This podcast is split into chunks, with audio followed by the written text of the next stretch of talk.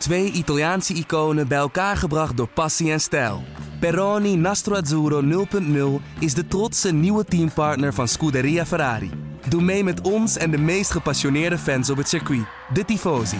Samen volgen we het raceseizoen van 2024. Salute, Tifosi!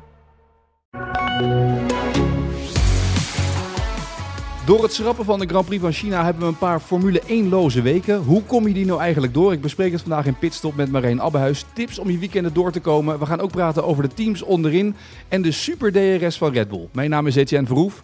Je zit te lachen, Marijn, of niet? Ja, tuurlijk, tuurlijk. Easter break. Hè? geen, eh, geen reden om niet vrolijk te zijn. Nee, maar hoe kom jij als Formule 1-watcher deze uh, weken door? Want er is, er is natuurlijk geen Grand Prix. Het is, het is een rare periode door China die eruit is. Hoe kom jij hem door?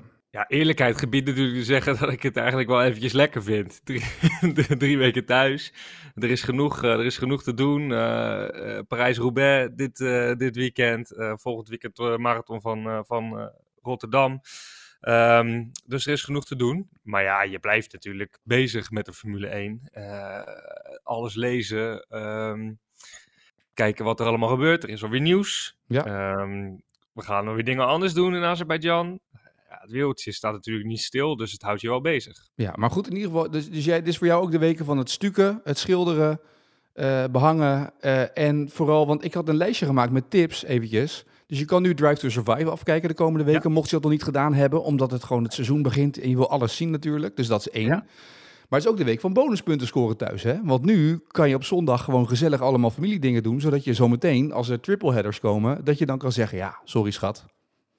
Toch? Nou, ik heb, ik heb al een kastje in elkaar staan knutselen gisteren gelijk. Uh... Oh, je zit dik in de bonus, hoor ik al. Ja. ja. ja, dan moet ik eerlijk zeggen dat, de dat, die, dat die kast al in de dozen al, ik weet niet hoe lang, niet zeggen.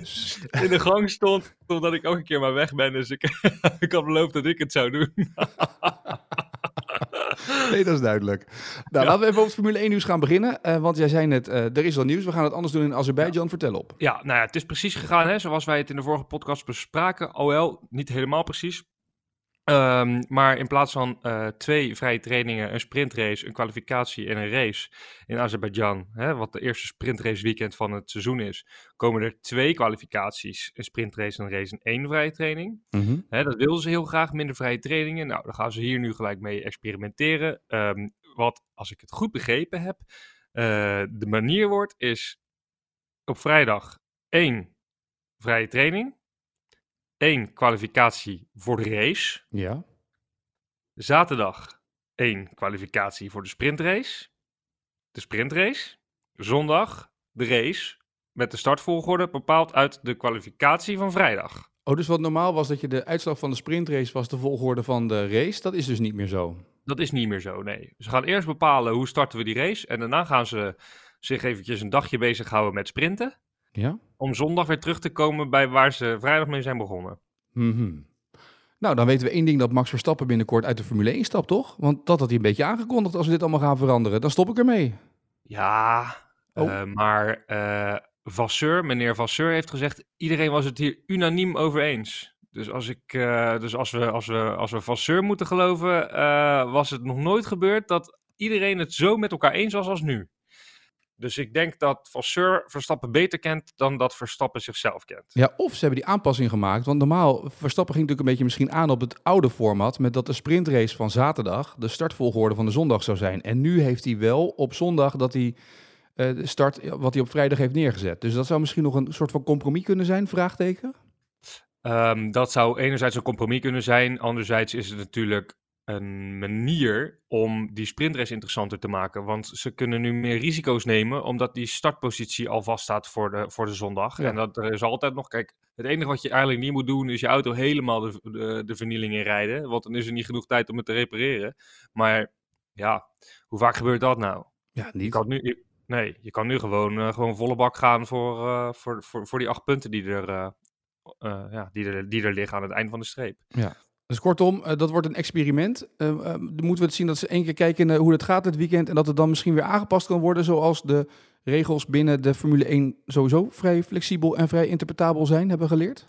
Ja, nou, op basis daarvan eh, zou, zou dat zo kunnen. Maar ik, ik heb het idee dat dit eh, het format is voor alle sprintraces dit seizoen. Dan ben ik echt heel benieuwd hoe Verstappen in Azerbeidzjan gaat reageren op dit hele format. Ik ook. Ik ben nu ook. al benieuwd naar de donderdagse persconferentie, de persmomenten. Ja, maar als ze die andere weekenden niet gaan veranderen, waarvan ik denk dat, eh, dat ze dat ook nog wel gaan doen, dat dit een opstapje is. Hè, want in feite heb je nu gewoon het Grand Prix weekend, heb je nu teruggebracht tot de vrijdag en de zondag. Dus eigenlijk tot twee dagen. Dat zaterdag, dat staat er allemaal helemaal los van. Want je weet vrijdag al wie er, wie er zondag op pole position start. Ja. Dus ik zie het eigenlijk een beetje als een opmaat van, oh, nou, dan kunnen we dat voortaan wel doen. En dan is een raceweekend bestaat alleen nog maar uit zaterdag en zondag. Dan hebben we één vrije training, een kwalificatie en een race. Uh, als dat gebeurt, dan wordt Verstappen echt boos. Uh, dit is alleen maar weer een heel klein beetje uh, verder weg van zijn ideaal. Ja.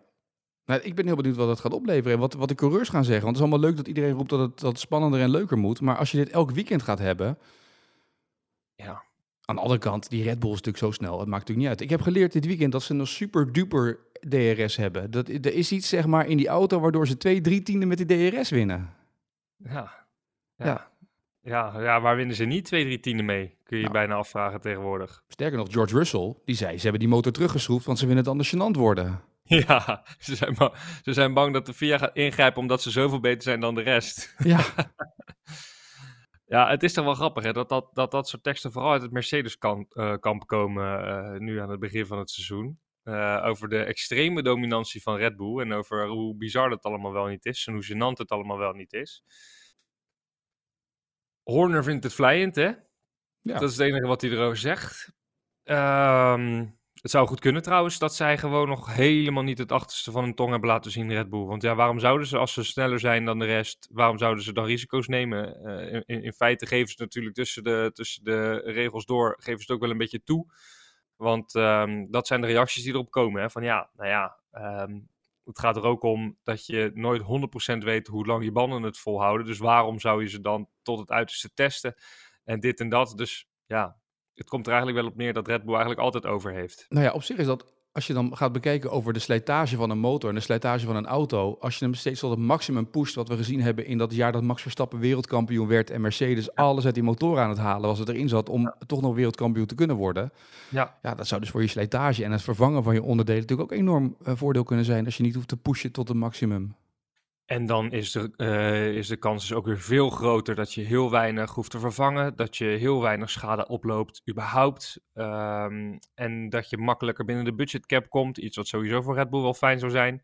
Dus ehm, Ja, de catering staat nu los hè, bij Red Bull. Die hebben ze op een ander, Ja. ander dingetje neergezet. Ja. ja, joh, die gasten die houden zoveel geld over dadelijk.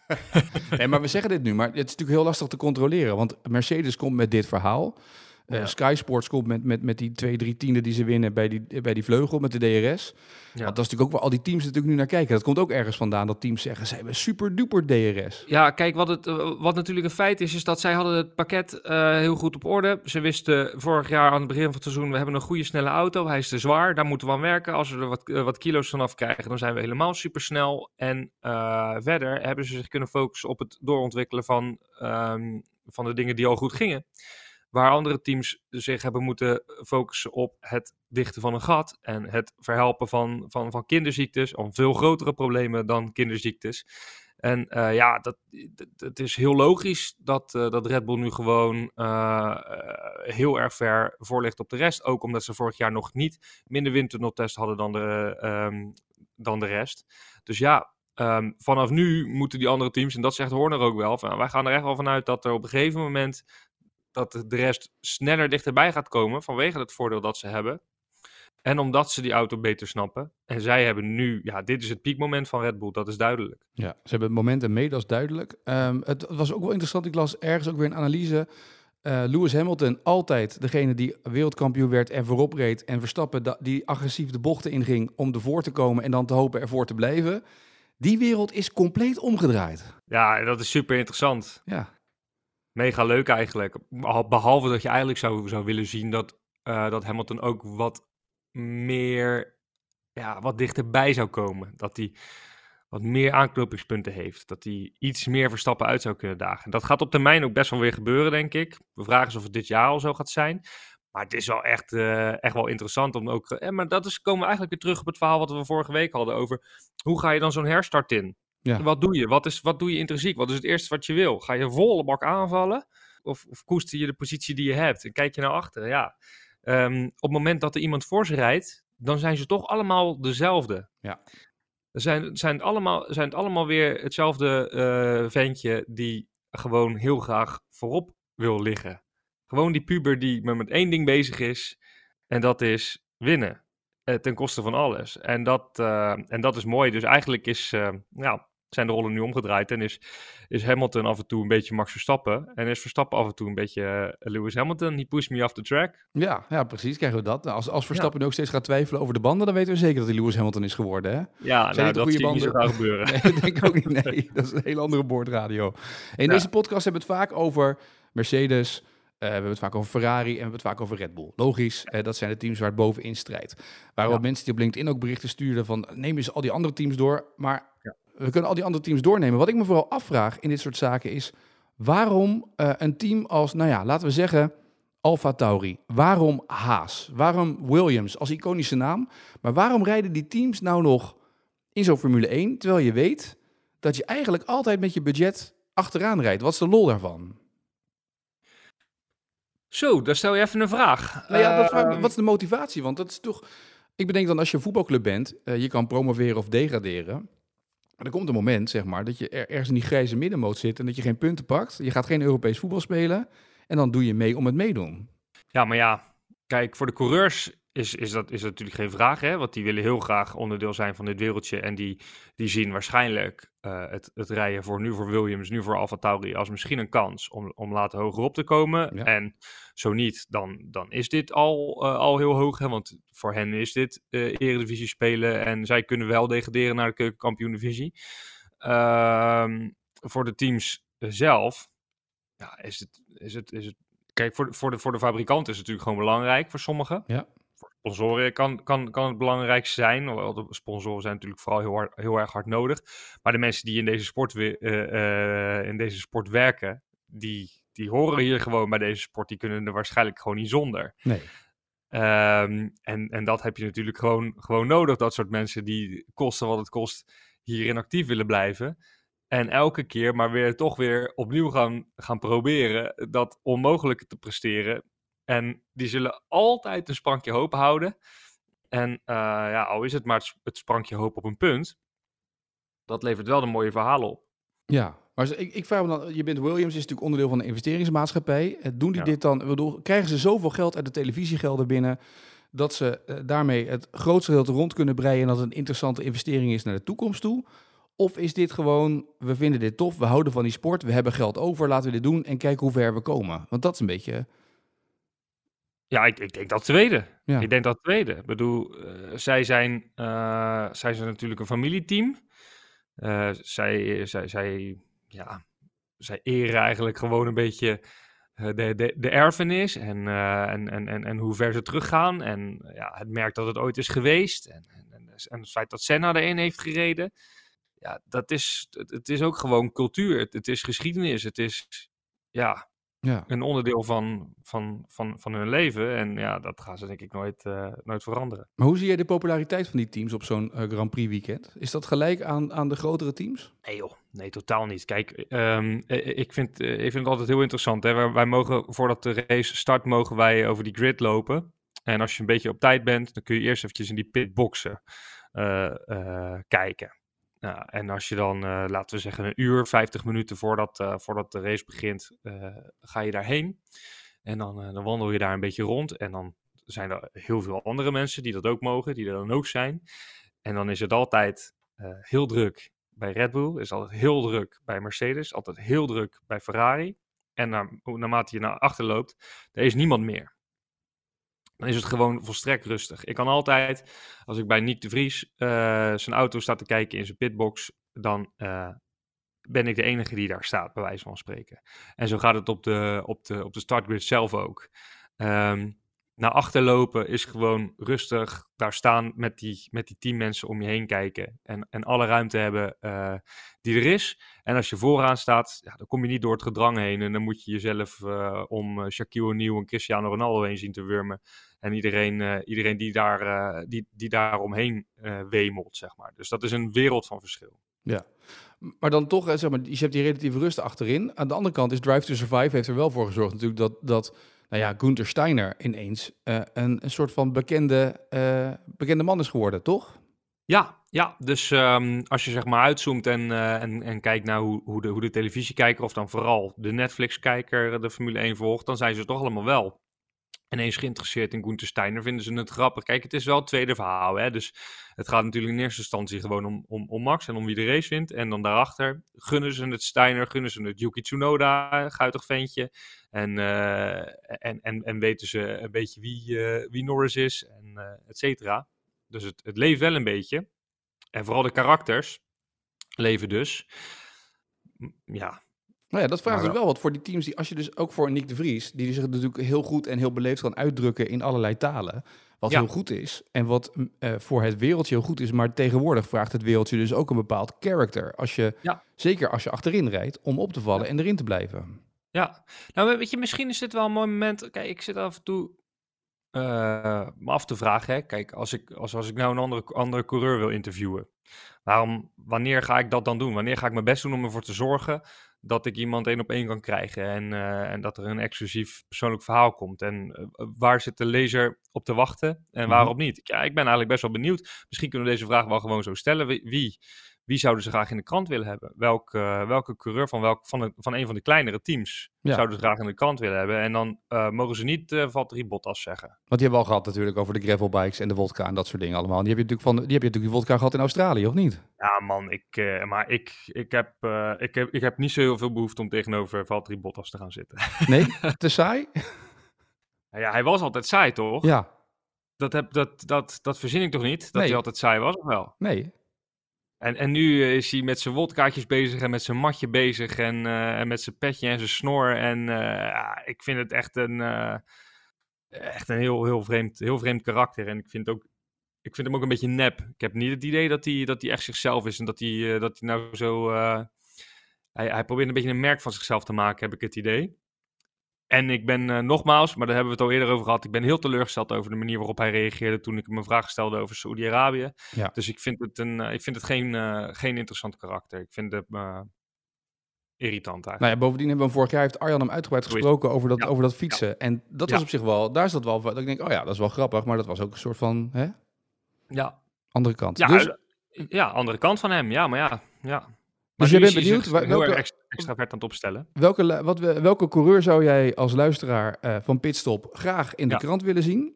Uh, ja. Wat vind je leuk? Van wie zou je meer willen weten? Wat net even anders is dan anders. En dan gaat het niet gelijk om Max, Lewis, uh, George Russell, et cetera. Maar de kleinere teams.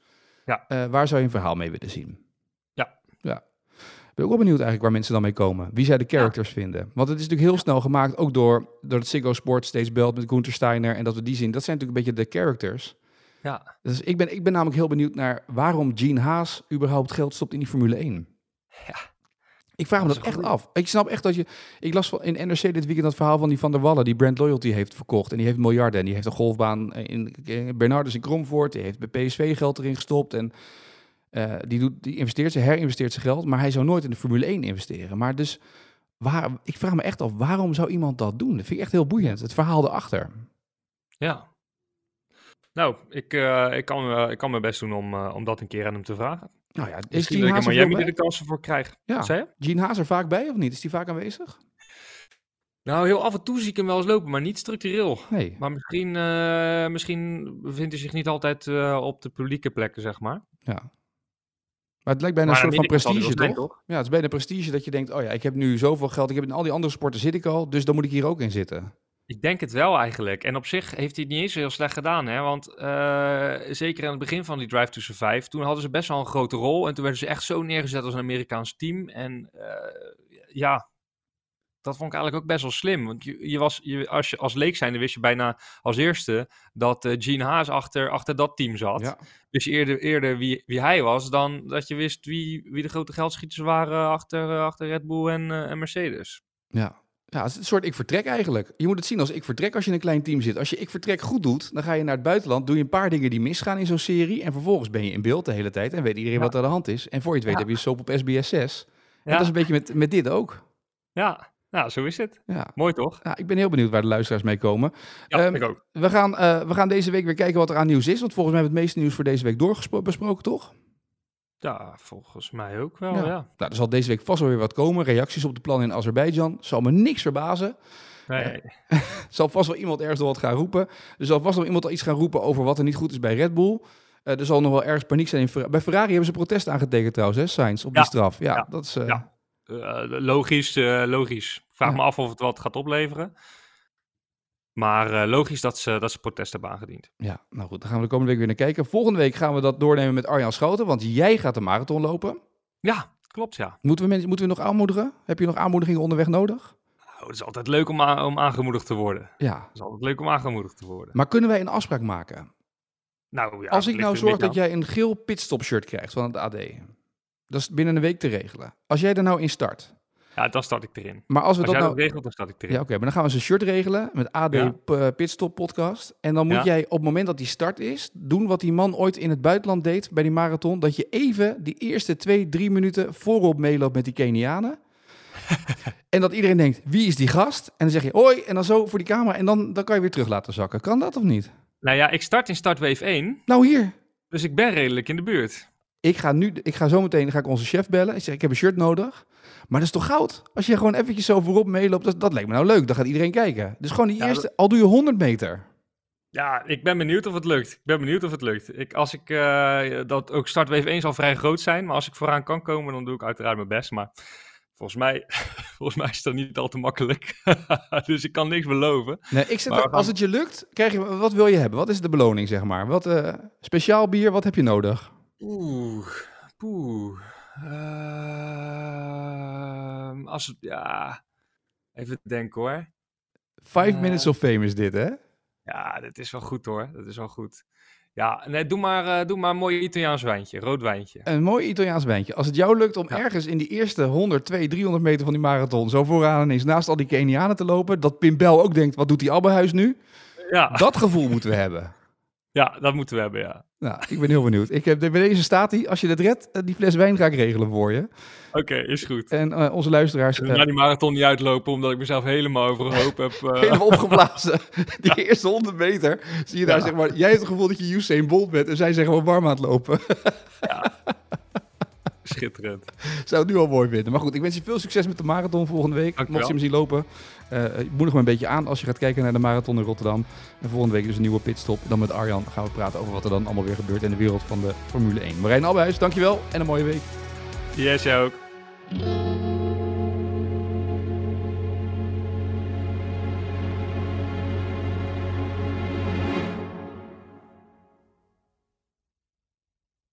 Twee Italiaanse iconen bij elkaar gebracht door passie en stijl.